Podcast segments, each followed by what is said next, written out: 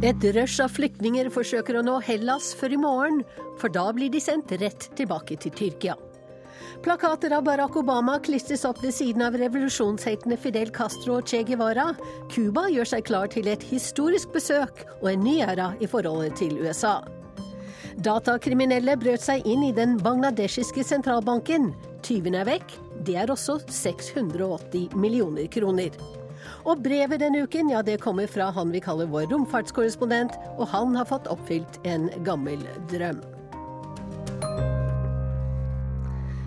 Med møtt til Urix på lørdag, jeg heter Wenche Eriksen. Aller først skal vi til eh, vår korrespondent Kristin Solberg i Istanbul, der det altså ble sprengt en bombe midt i en travel handlegate i dag tidlig. Og Kristin Solberg, hva er det siste du kan fortelle om derfra?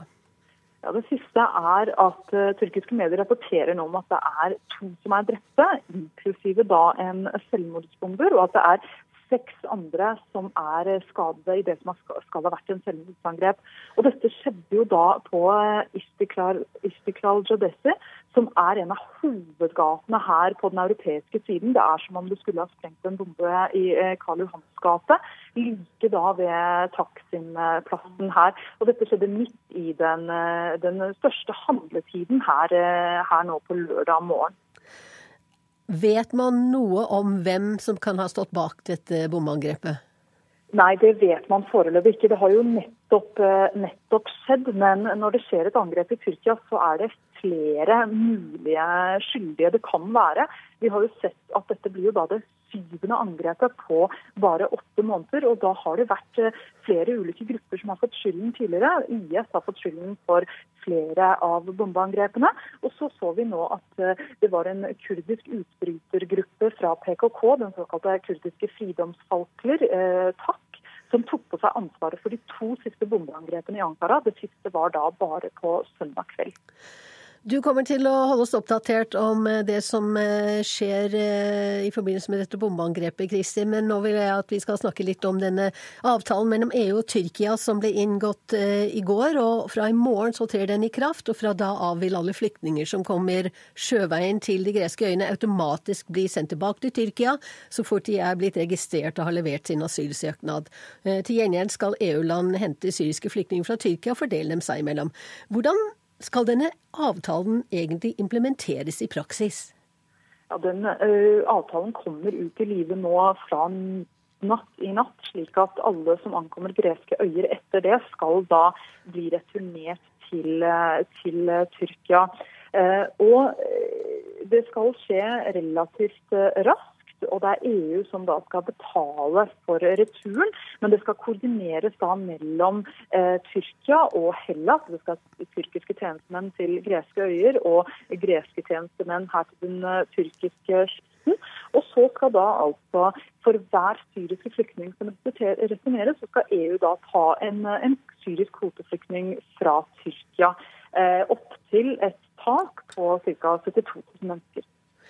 Hva er reaksjonen i Tyrkia på denne avtalen?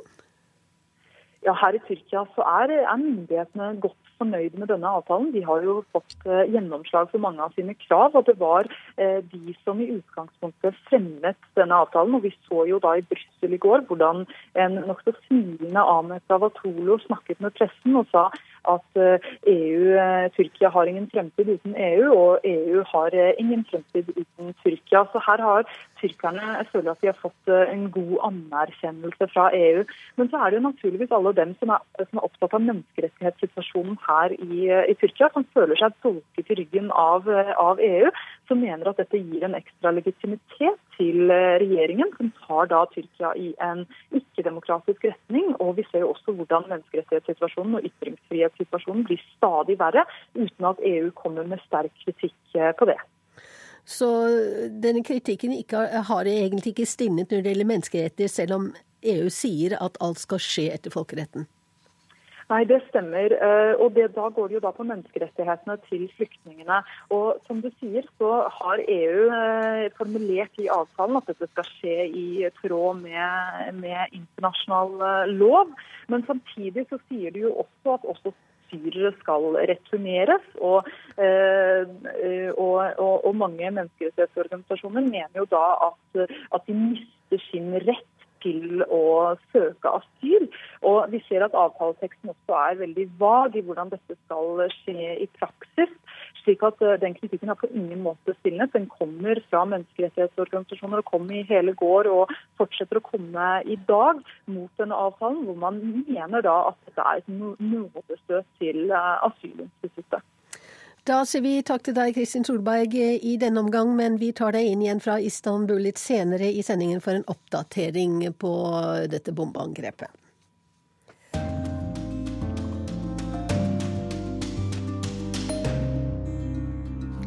Natt til mandag lander Air Force One på flyplassen i Havanna, og Barack Obama innleder et historisk besøk og en ny æra i forhold til kommunistnaboen på den andre siden av Florida-stredet.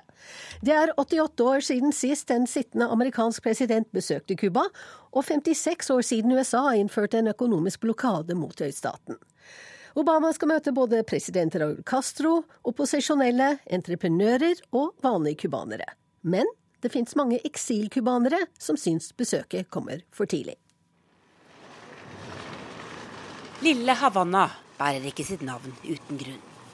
Her i det berømte cubansk-amerikanske nabolaget i Miami har det vært stort politisk engasjement i mange tiår. Mange mener det er innenrikspolitiske forhold i USA, som innflytelsen til folk akkurat her, som har ført til at den amerikanske boikotten av Cuba har vart så lenge. ¿Usted es republicano? Sí. Ja, jeg er republikaner, forteller Raoul meg utenfor et supermarked på berømte Caya Ocho, eller Åttende gate. Han vet ikke helt hva han skal tro om Obamas besøk. Eh, el problema de Cuba es un poco complicado. El problema de Cuba es que el gobierno cubano, eh, cada vez que ha querido, que se ha querido eh, las compañías americanas ahora dette er komplisert. Cubanske myndigheter har fått øynene opp for amerikanske selskaper. Nå vil de gjerne samarbeide med disse selskapene, forklarer han meg. Raúl mener dobbeltmoralen er stor, og at det har vært for få endringer på Cuba til at Obama bør reise allerede nå. Para mí Obama lo que parece que como que como que ve que ha pasado tantos años y en definitiva el gobierno cubano sigue ahí y aunque se ha decaído mucho y Obama gir inntrykk av at myndighetene på Cuba har endret seg. Men det har de egentlig ikke, og det er folket som lider. Jeg mener vi må se større forandringer før Obama reiser, sier han. Mange eldre eksilcubanere tenker som Raúl. De er bitre over fortida og over eiendom de mistet da familiene deres eller de selv forlot Cuba. Men mange av barna og barnebarna deres ser annerledes på det som skjer nå see them with a lot of hope. We see the opportunities that come with these changes, and now it's time to test uh, the, the willingness of the Cuban government in sitting down with its own people. Raúl Moas driver tankesmien Roots of Hope i Miami. Han hjelper unge amerikanere med å få kontakt med likesinnede på Cuba og hjelpe dem til å bli entreprenører. Og til CCTV sier Moas at åpningen må komme nå, selv om mange i hans eget miljø i Miami synes det skjer for tidlig. Cuba is a, a very polemic issue, uh, very emotional, very personal. Uh, at, at, the core, there's a lot of pain in Miami uh, for what has happened in the last 50 years. Um, so Miami wants this to be uh, for the betterment of the people. I think there's a lot of doubt as to the goodwill of the Cuban government. I don't think anyone is under the pretense that Raul Castro is a Democrat, that he's going to open up uh, significant political reforms. Det var Tove Bjørgaas, USA-korrespondenten vår, som hadde laget denne saken. Hva, hvilke forventninger har så cubanerne til Obamas besøk? De sier kanskje litt at Havanna nå har eh, plakatversjonene av revolusjonsheltene Fidel Castro og Che Guevara. Der har de fått selskap av Obama-plakater. Den amerikanske presidenten kommer til å bli tatt imot av cubanerne med stor begeistring og gjestfrihet, Folk gleder seg til besøket, sier den cubanske professoren Raúl Garces. People is going to receive uh, Obama with hospitality in the streets of Havana. Everybody talks about uh, the Obama's visit. I Havanna snakker alle om Obamas besøk. Han vil jo bedre forholdet til Cuba, både økonomisk og politisk. Raúl Garces, professor og dekan ved Universitetet i Havanna, er på norgesbesøk når et nytt kapittel i Cubas og USAs historie blir skrevet. Han sitter bl.a. i redaksjonsledelsen i tidsskriftet Temas, et tidsskrift for politikk, økonomi og samfunnsdebatt. I think we are going to achieve improvements in economy. Obama has announced Raúl Garces tror at besøket vil føre til bedre økonomiske tider for cubanerne. Obama har kunngjort at det nå blir lov å bruke dollar og amerikanske kredittkort i transaksjoner mellom landene.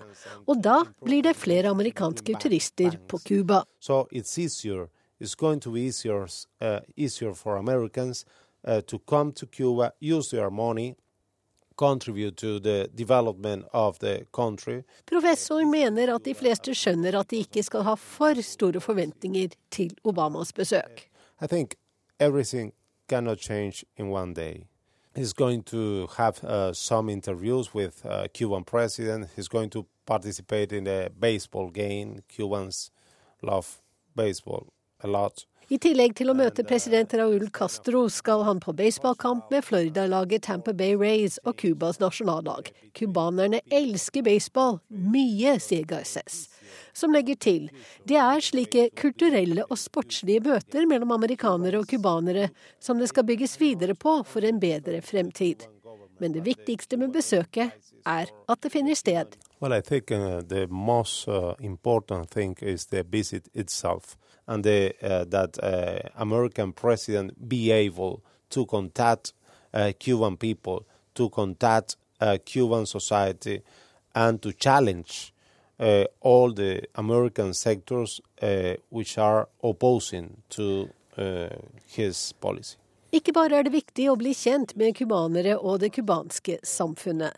Det betyr også mye at den amerikanske presidenten utfordrer kreftene i sitt eget land som motarbeider hans nye Cuba-politikk, sier Garces. Men utfordringer er det også i det nye forholdet mellom Cuba og USA. De tenker forskjellig når det gjelder menneskerettigheter, politikk og måten å organisere samfunnet på, påpeker professoren. President Castro said uh, we have to learn the art of living in the middle, living closer uh, in the middle of differences. President Castro sier at vi må lære kunsten å leve tettere midt i forskjellene, sier Raúl Garces som tror det vil ta lang tid før man kan snakke om optimale forhold mellom de to land. We have been separated for a long time, for 50, more than 50 years, 55, 57 years. So uh, you cannot expect that Cubans trust on American businessmen in one day. You cannot expect that American businessmen trust on Cuban businessmen in one day. Vi stoler foreløpig ikke på hverandre, så jeg tror vi må finne fram til de områdene som gjør at vi kan utvikle forholdet, og ikke konsentrere oss om områder som politikk, der vi ikke kan finne en løsning. areas uh, be uh, fruitful, could uh, allow us to develop the relationship and try to not consider those that uh, where we have uh, uh, difference, political differences that we are not going to solve. Raúl Garces ble intervjuet i Volda av Bjørnar Torfholm Sævik. Hele verdens øyne blir altså rettet mot Havanna når Barack Obama blir den første sittende amerikanske presidenten som besøker Cuba siden Calvin Coolidge i 1928. Så betegnelsen historisk er helt riktig å bruke her, mener latinamerikaforsker og ikke minst Cuba-ekspert Vegard Bye. Altså For det første så er det slik at uh, det første gangen uh, på, på 98, 88 år at det er en amerikansk president i Havana. Altså Fidel var to år. Raúl var ikke født da Coolidge var der. Det i seg selv er jo ganske historisk. Men det aller viktigste er nok den, altså helheten av hva som skjer i Havana neste uke. En ting er Barack Obama, Michelle Obama, en energisk eh, svart president som skal gå gjennom gamle Havana. De skal på baseballkamp sammen. Eh, Og så kommer Rolling Stones, holder gratiskonsert i slutten av uka. Den regner med kanskje en halv million unge cubanere. Altså det er en euforisk stemning i Havana nå, som gjør at både du og jeg helst skulle vært der enn å sitte her i Oslo. Eh, så det er liksom det ene, den, den kulturelle, sosiale betydningen av dette. Og så er det da spørsmål hva vil dette føre til eh, når det gjelder eh, forholdet mellom to land. Det er et eh, annet spørsmål som kan ta lengre tid. Det er egentlig snakk om en revolusjon, er det ikke det?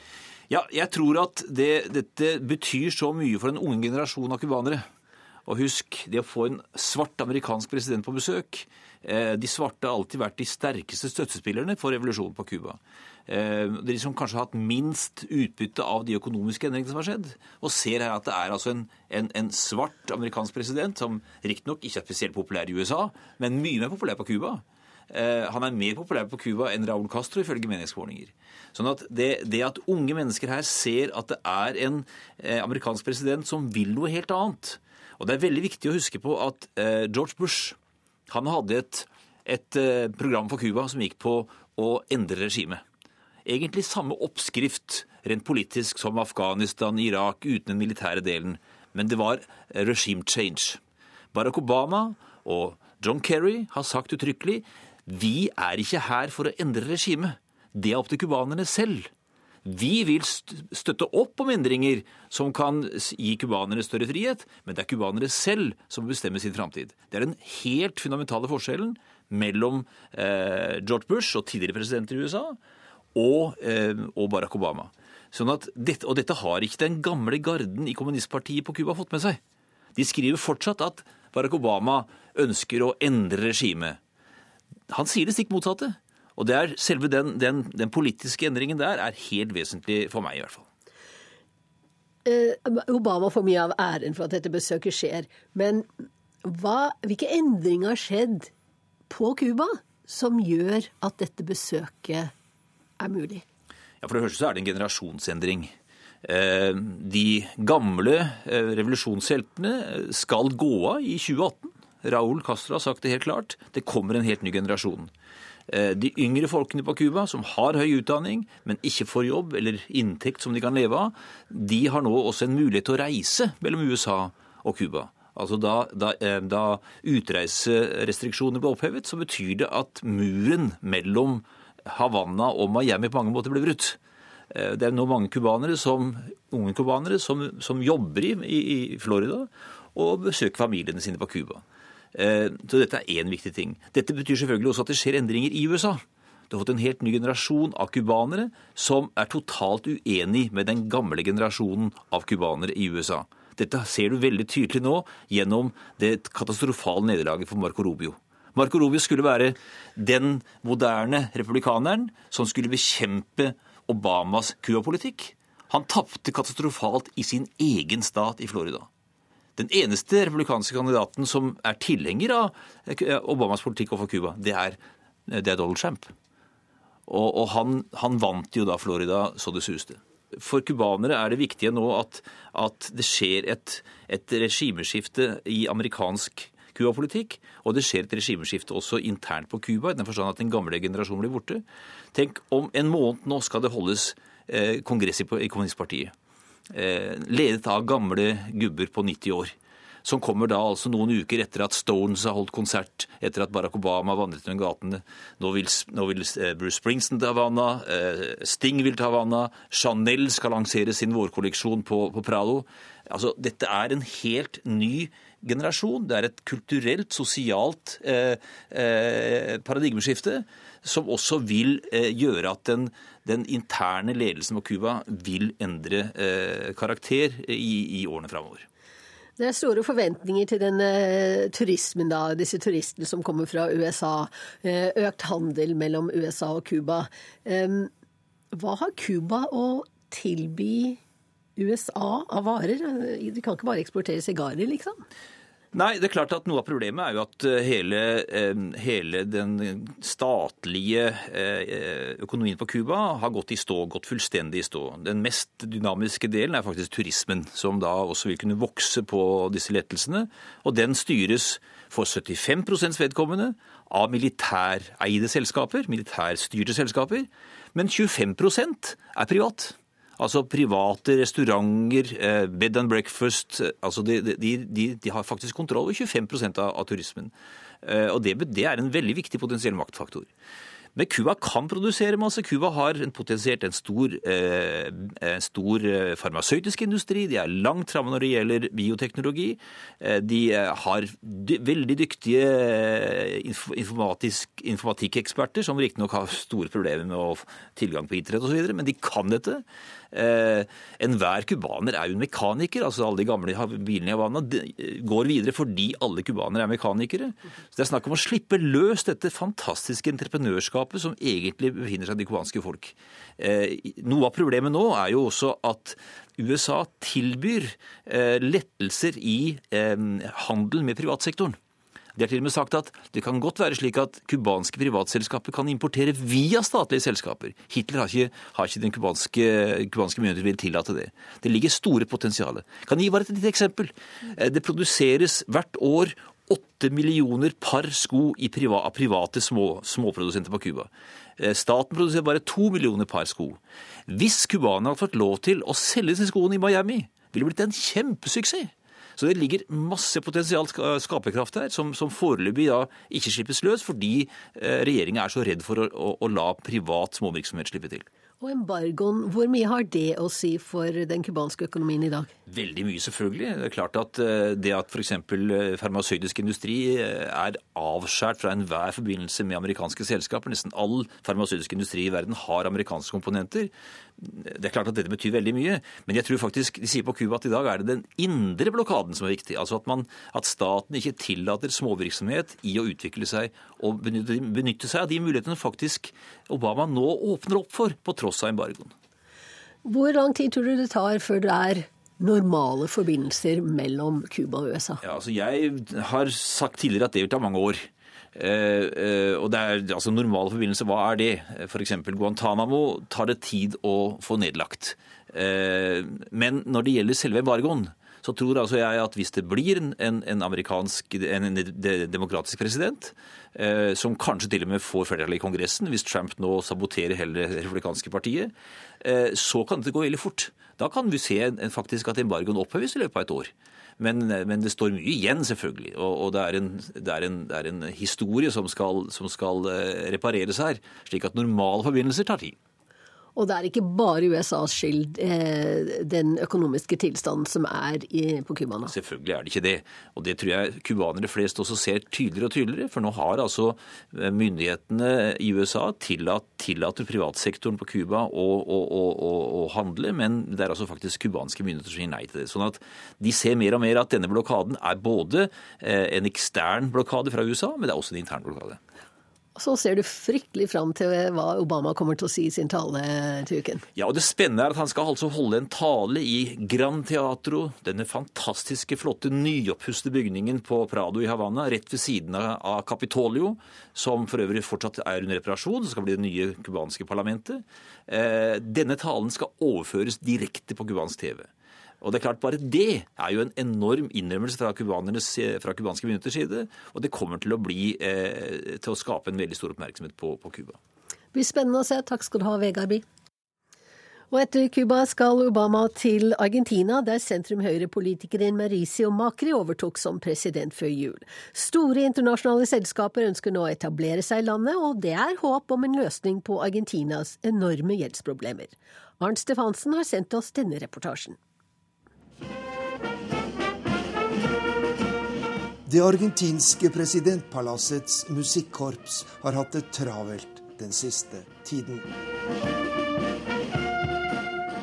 Den nye presidenten Mauricio Macri satser på økt dialog med vestlige ledere, og flere av dem har vært på besøk etter at han overtok makten i desember. I forrige uke var EUs utenrikssjef Federica Magherini i Buenos Aires, og temaet for møtene var økt samarbeid mellom Europa og Argentina.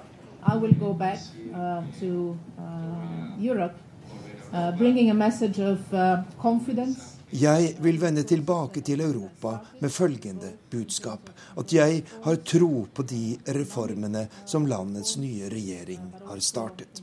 På denne bakgrunnen ønsker vi en prosess med sikte på å styrke handelen og det politiske samarbeidet. Vi vil bl.a. arrangere rundebordssamtaler der europeiske bedrifter møter argentinske kolleger med sikte på investeringer i Argentina, sier EUs utenrikssjef. Presidente de los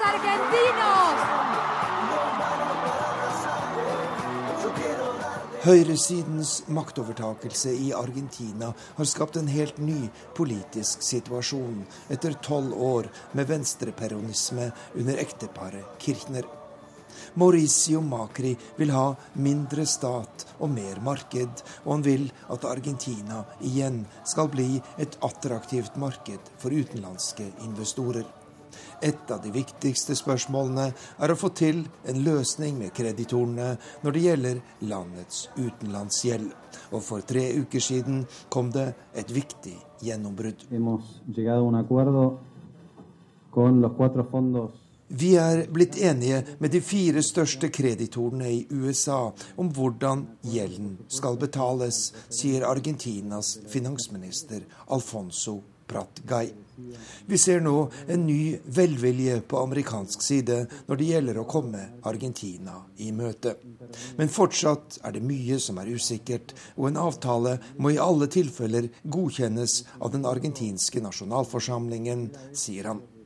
Dette er uansett gode nyheter, mener den kjente kommentatoren Rosendo Fraga. Hay que arreglar el tema de la deuda externa para que la Argentina pueda volver a los Utenlandsgjelden er et spørsmål vi må finne en løsning på. I øyeblikket er Argentina konkurs og utestengt fra det internasjonale lånemarkedet, og vi trenger desperat tilførsel av kapital for å få landet på fote. Den forrige presidenten, Christina Kirchner, skjelte ut kreditorene og kalte dem gribbefond. Det kan være mye sant i det, men det bringer oss ikke nærmere en løsning. Den nye regjeringen har mye større sjanse til å lykkes, sier kommentatoren til NRK.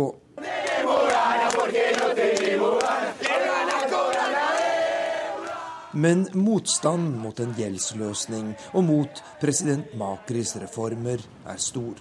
Mange mener den nye regjeringen er i ferd med å innføre en brutal nyliberalisme der de fattige blir rammet hardt. En av dem som advarer mot høyredreiningen, er kommentatoren og journalisten Daniel Cristancho i Buenos Aires. Eh, Det som bekymrer meg, er tendensen i de reformene som president Macri har satt i verk. Dette er tiltak som rammer den fattige delen av befolkningen hardt, og som har utløst alarm hos landets fagforeninger og i opposisjonen. Jeg mener det er bra for Argentina at vi har fått et maktskifte, for den forrige regjeringen var åpenbart på feil kurs. Men jeg frykter at den nye politikken blir for brutal for mange, sier kommentatoren.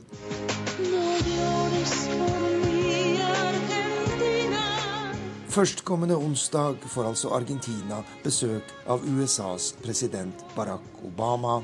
Det første bilaterale besøk av en amerikansk president på nærmere 20 år. Det er for mange et symbol på en ny tid og på en ny start i forholdet mellom det kriserammede Argentina og supermakten USA.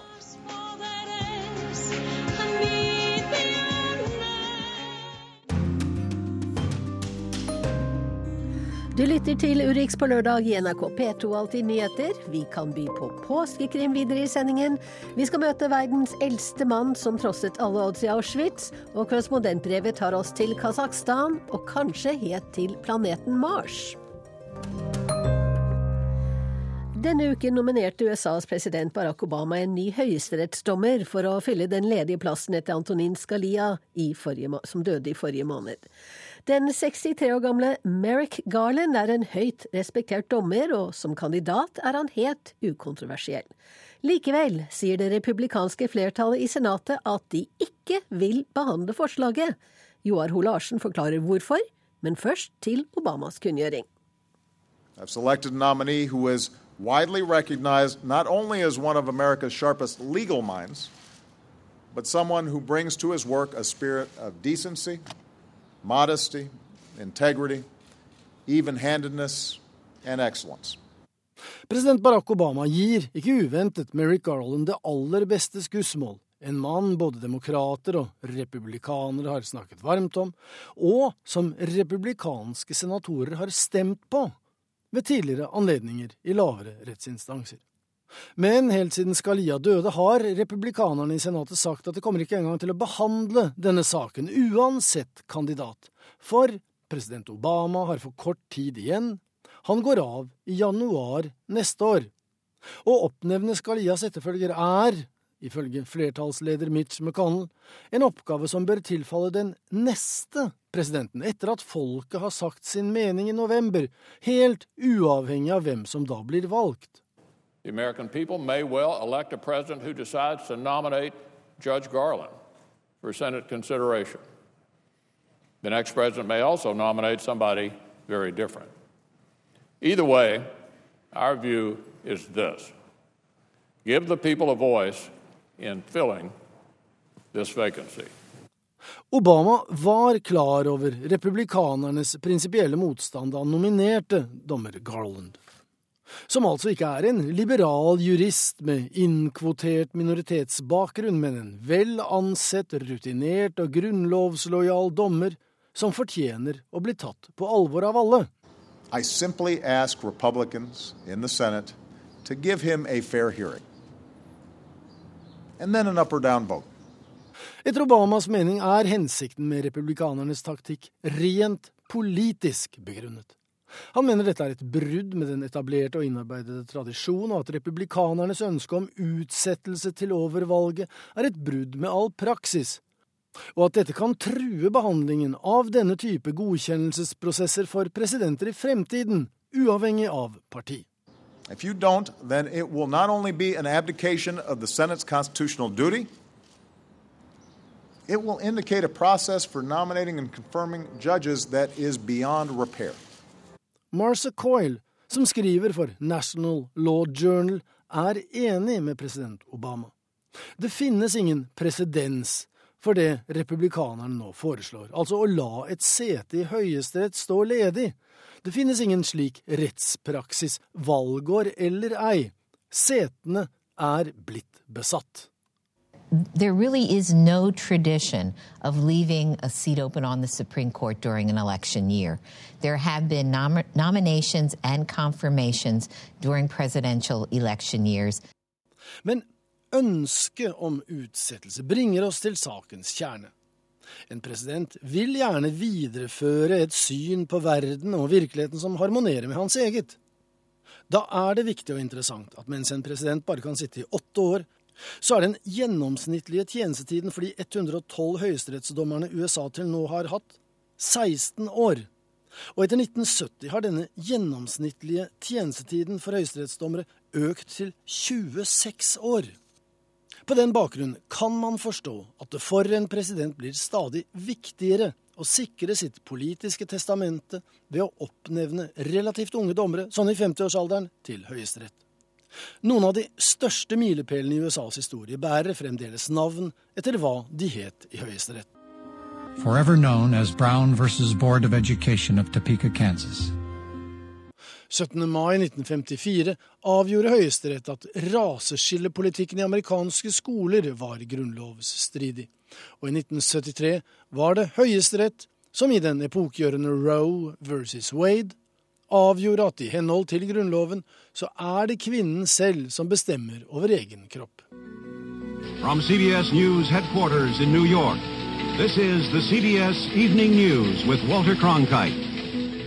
Good evening. In a landmark ruling, the Supreme Court today legalized abortions.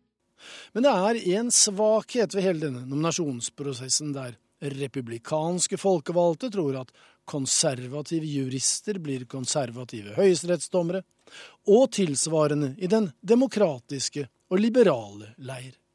For det er verken garantier eller automatikk.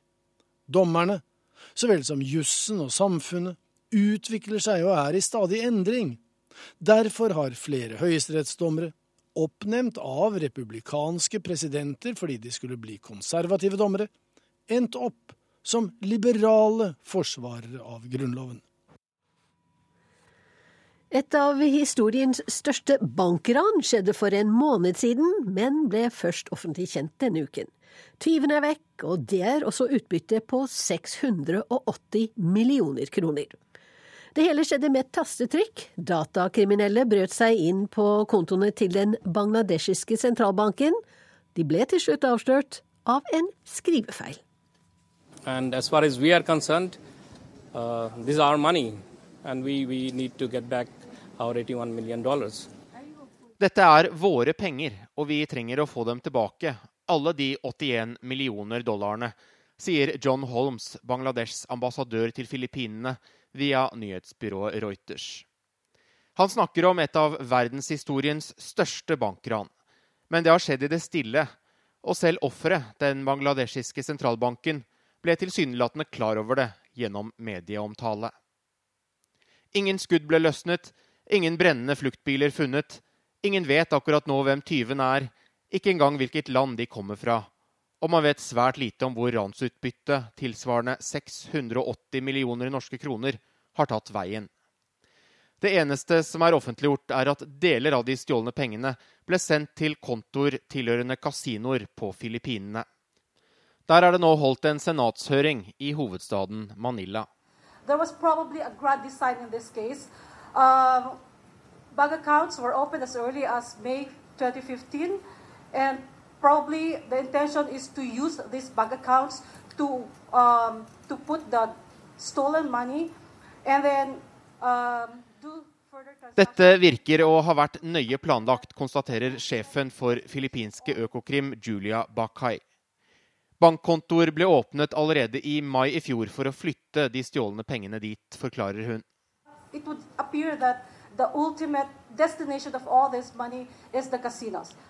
Det som er kjent om ranet, kan oppsummeres omtrent slik.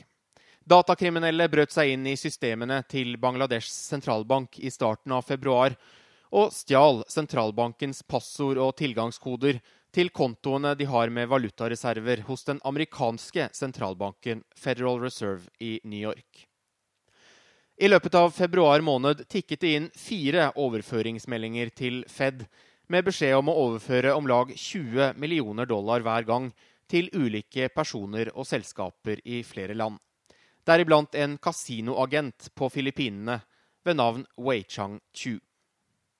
Betalingene ble sendt gjennom det internasjonale banknettverket Swift, men ved den femte overføringen gjorde tyvene en tabbe.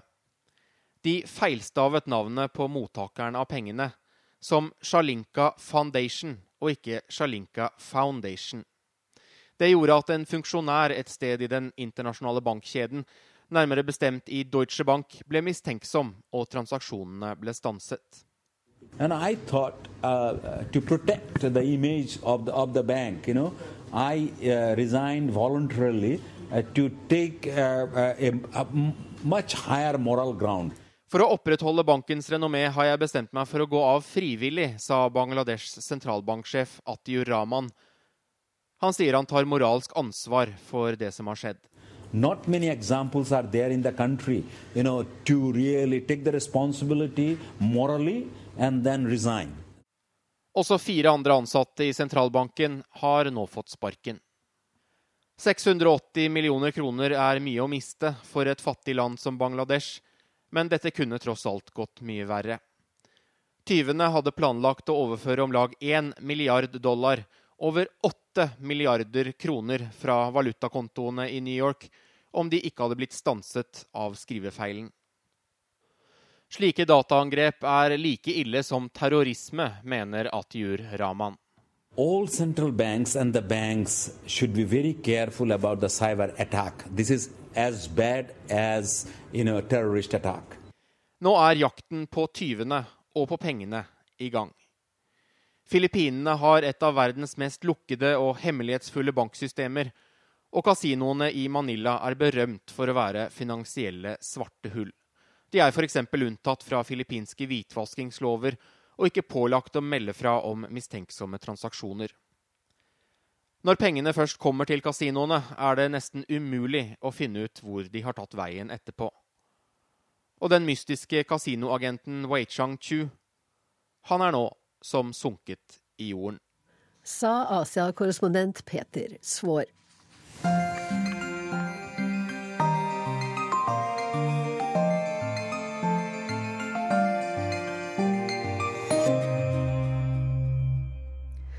Guinness rekordbok figurerer ikke så ofte i Urix på lørdag, men vi gjør et unntak i dag. For vi skal møte verdens eldste mann. 112-åringen Israel Kristall bærer på en fascinerende og dramatisk livshistorie. Han overlevde begge verdenskrigene og konsentrasjonsleiren Auschwitz. Smil til kamera. Midt i flokken med oldebarn, barnebarn og voksne familiemedlemmer sitter en eldre mann i staselig mørk dress.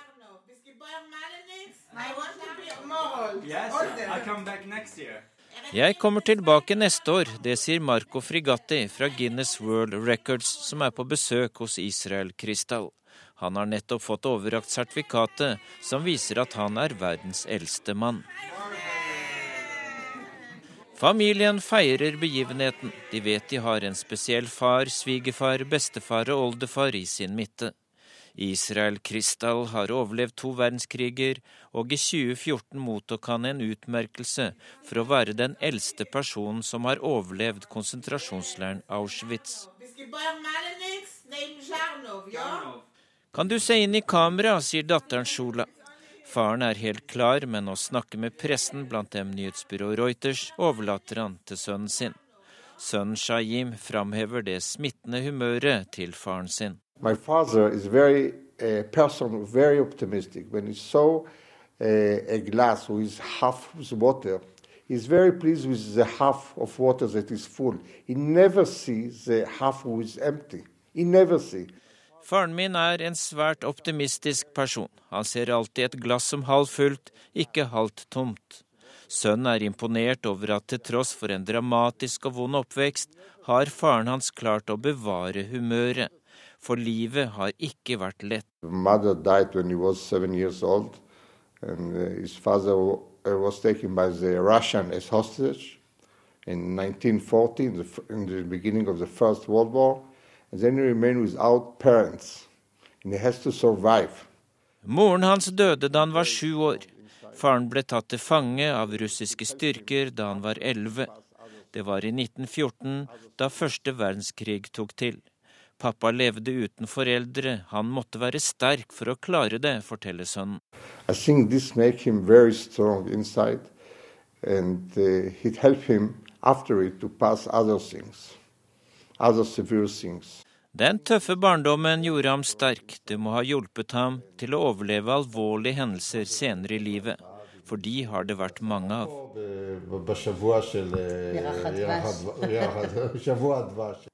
Sønnen Shaim og datteren Shula blar i et fotoalbum som viser noe av historien til verdens eldste mann. Da han var 17 startet han å jobbe i familiens dropsfabrikk i Polen. I 1928 giftet han seg, ekteparet fikk to barn. Men idyllen skulle ikke vare.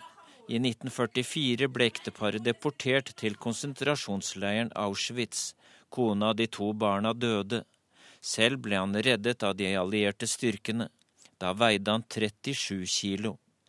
I 1947 giftet han seg på nytt. De fikk sønnen Shaim før de emigrerte fra Polen til Israel i 1950, og datteren Shula etter at de bosatte seg i havnebyen Haifa.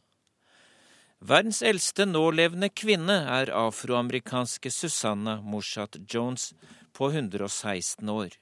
Den eldste som har levd, er franske Jeanne Calmat, som levde i 122 år. Med barn, barnebarn og oldebarn rundt seg lever verdens eldste mann et godt liv. Og de minste må ha hatt spesielt gode barneår. De har en bestefar og oldefar som i mange år drev sin egen dropsfabrikk og eget utsalg av søte godsaker. Reporter var Dag Bredvei. Vi skal tilbake til Tyrkia og Istanbul, der en selvmordsbomber sprengte seg selv på en travel handlegate tidligere i dag. Korrespondent Kristin Solberg, du er i nærheten av der eksplosjonen skjedde. Hva kan du fortelle derfra? Ja, jeg står ved politisperringene. Politiet har da sperret av eh, området der eksplosjonen skjedde, slik at ingen kommer ut eh, eller inn. Og Vi hører lyden av ambulanser, av eh, politihelikoptre som sirkulerer i himmelen over oss. Og det er relativt få folk ute i gatene til å være denne tiden av, av lørdag. Og hva er de siste dødstallene du har fått opplyst? Ja, Nå sier guvernøren her i Istanbul at det er minst fire drepte og 20 skadede. Og blant de 20 så skal også tre være kritisk skadd, slik at vi kan komme til å se at det dødstallet stiger utover dagen. Takk skal du ha, Kristin Solberg. Du følger selvfølgelig denne saken utover dagen. Vi får vel kalle ham romfartskorrespondenten vår, han som har skrevet korrespondentbrevet denne uken. Kollega Halvard Sandberg har fått oppfylt en gammel drøm. Han har besøkt den russiske rombasen Baikonur i Kasakhstan. Mange ganger er jeg glad for å være journalist. Spesielt glad for det har jeg vært denne uken. Jeg jobber i utenriksredaksjonen i NRK. Alle vi her har våre spesialfelt som vi pleier når vi får tid. Mitt hjertebarn er mest utenriks av alle, det ytre rom. Da jeg var en liten guttunge, gikk jeg forbi de hvite veggene på Marienlyst i Oslo og sa til meg selv der skal jeg en gang ha romfartssending med legenden Erik Tamberg. Det har jeg fått til. Grunnen til gleden denne uken var muligheten til å se stedet der romfarten begynte, Baikonur i Kasakhstan. Det er der sovjeterne sendte av gårde den første satellitten Sputnik, den første romhunden, stakkars Laika, og det første mennesket i rommet, selveste Juri Gagarin. Den amerikanske delen av romfartens begynnelse, Kennedy romfartssenter i Florida, har jeg studert grundig.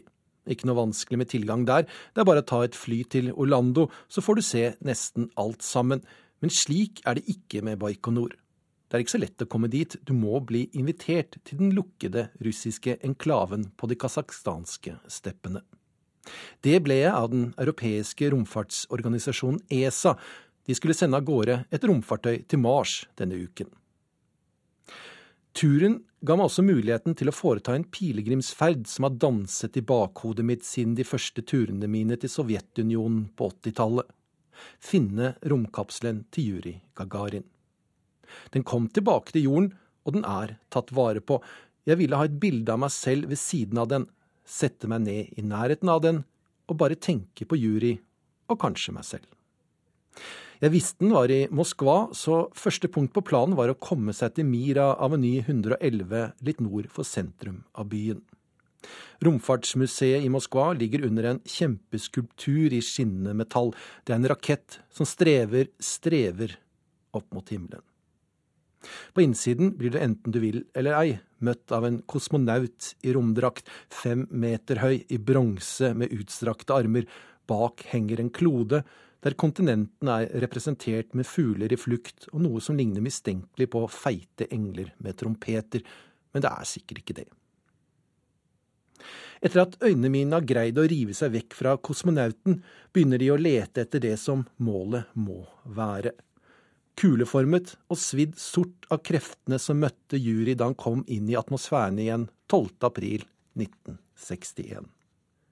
Det er ikke vanskelig. Der, litt til venstre, står den kapselen som Wikipedia-artikkelen om museet sier er brukt av Gagarin.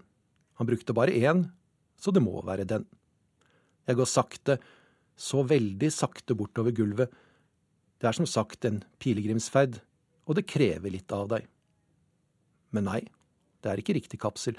Den brente overflaten ble ikke skapt på den historiske dagen for så lenge siden. Jeg vandrer gjennom rom etter rom, håper at den til slutt vil dukke opp, men så er det ikke flere rom igjen. På utsiden foretar jeg noen enkle søk jeg skulle ha gjort før. Kapselen befinner seg på museet til firmaet Energia i Moskva oblast, men utenfor selve byen. Dit har jeg ikke tid til å dra, jeg må på et fly til Baikonur.